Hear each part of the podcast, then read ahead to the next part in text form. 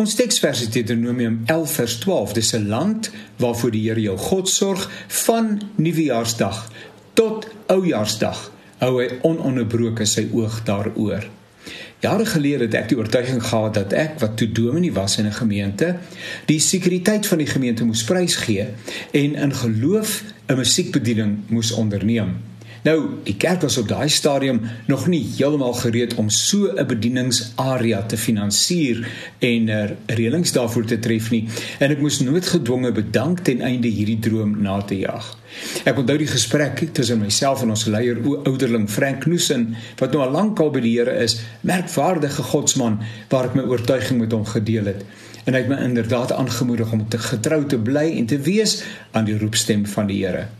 Maar skielik moes ons uit die pastorie en ons moes iewers 'n heenkome vind. Nou om 'n lang storie kort te maak, het die Here op 'n wonderbaarlike wyse 'n huis wat erg verwaarloos was en lank reeds leeg gestaan het op ons pad gebring.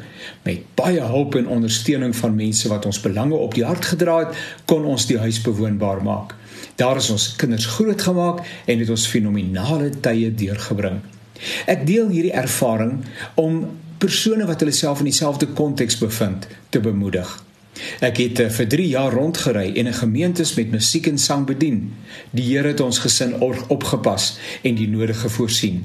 Ons het nooit enige tekorte gehad nie en kon die guns van die Here tasbaar beleef. Later sou ek terugkeer na die gemeente waar ek tot aftrede gewerk het. Om die waarheid te sê, ek was na 4 jaar pensioen weer hierdie jaar bykans voltyds in die gemeente ontplooi. Wat 'n voorreg. Van kleintyd tot vandag toe sorg die Here.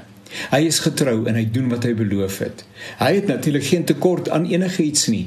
By hom is daar 'n oorvloed van genade, sorg, omgee, ondersteuning, noem maar op.